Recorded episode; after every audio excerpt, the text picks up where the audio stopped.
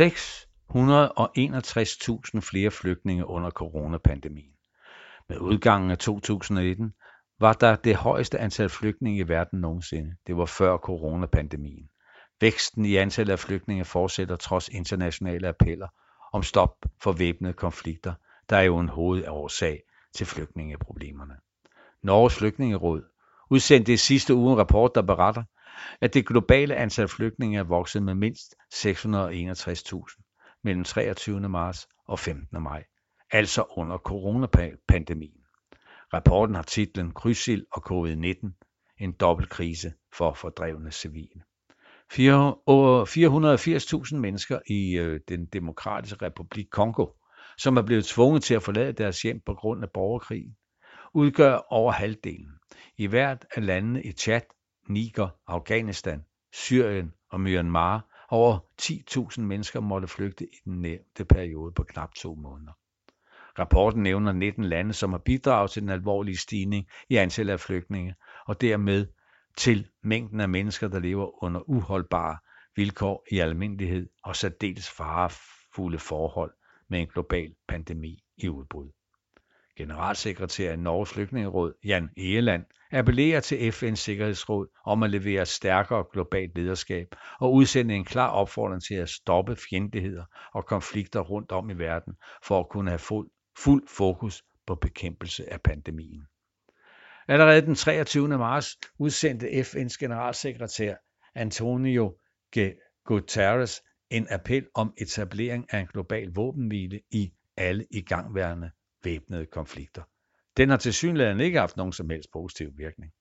En kreds af befrielsesbevægelser med ELN i Colombia, baskerne i Nordspanien, kurdernes nationalkongres i Tyrkiet, væbnede etniske grupper i Myanmar og NDFP i Filippinerne har energisk tilsluttet sig generalsekretærens opfordring, men konstaterer i en udtalelse, at i en række områder med væbnede konflikter, konflikter har staternes styrker åbenbart nye fronter og udvidet deres militære operationer. Jan Egeland er selv tidligere vicegeneralsekretær i FN og leverer en hård kritik af medlemslandene i Sikkerhedsrådet. Citat, mens mennesker fordrives og dræbes, toppes de magtfulde medlemmer af FN's Sikkerhedsråd som børn i en sandkasse. Verdens ledere må vise sig opgaven voksen og i fællesskab presse de konfliktende parter til at lægge våbnene og forene sig om at beskytte alle samfund mod covid-19. Tiden er ikke til børnehavepolitik, siger han i en udtalelse. De 661.000 flygtninge, som er registreret mellem 23. marts og 15. maj, kommer oven i rekordhøjt antal flygtninge ved årsskiftet.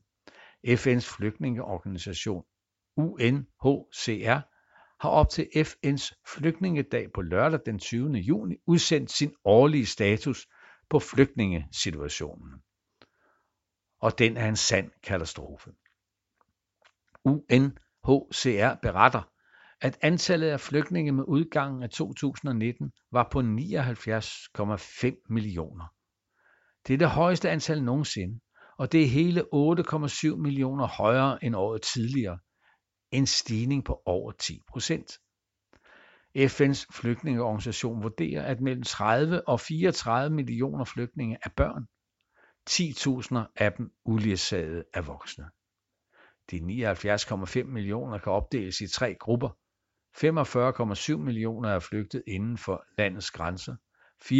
4,2 millioner afventer svar på en ansøgning om asyl, og 29,6 millioner er flygtet til et andet land. Samtidig med at antallet af flygtninge vokser, falder antallet af personer, der vender hjem. UNHCR skriver, at i 1990'erne kunne 1,5 millioner gennemsnitligt vende hjem, efter en konflikt eller en nødsituation var løst. I løbet af det sidste årti er dette gennemsnitlige tal faldet til blot 385.000 om året. Citat. Vi er vidne til en forandret virkelighed, i og med at landflygtighed og fordrivelse ikke blot er langt mere udbredt, men det er ganske enkelt ikke længere et kortvarigt og midlertidigt fænomen, siger FN's flygtningehøjkommissær Filippo Grandi. Du har lyttet til en artikel fra Arbejderen. Abonner på vores podcast på iTunes, eller hvor du ellers hører dine podcasts. Du kan også klikke ind på arbejderen.dk for meget mere journalistisk indhold. Du er også velkommen til at følge Arbejderen på YouTube, Facebook, Instagram eller Twitter, samt tilmelde dig Arbejderens daglige opdatering på Messenger. Vil du i kontakt med redaktionen, kan det ske ved at sende en mail til redaktion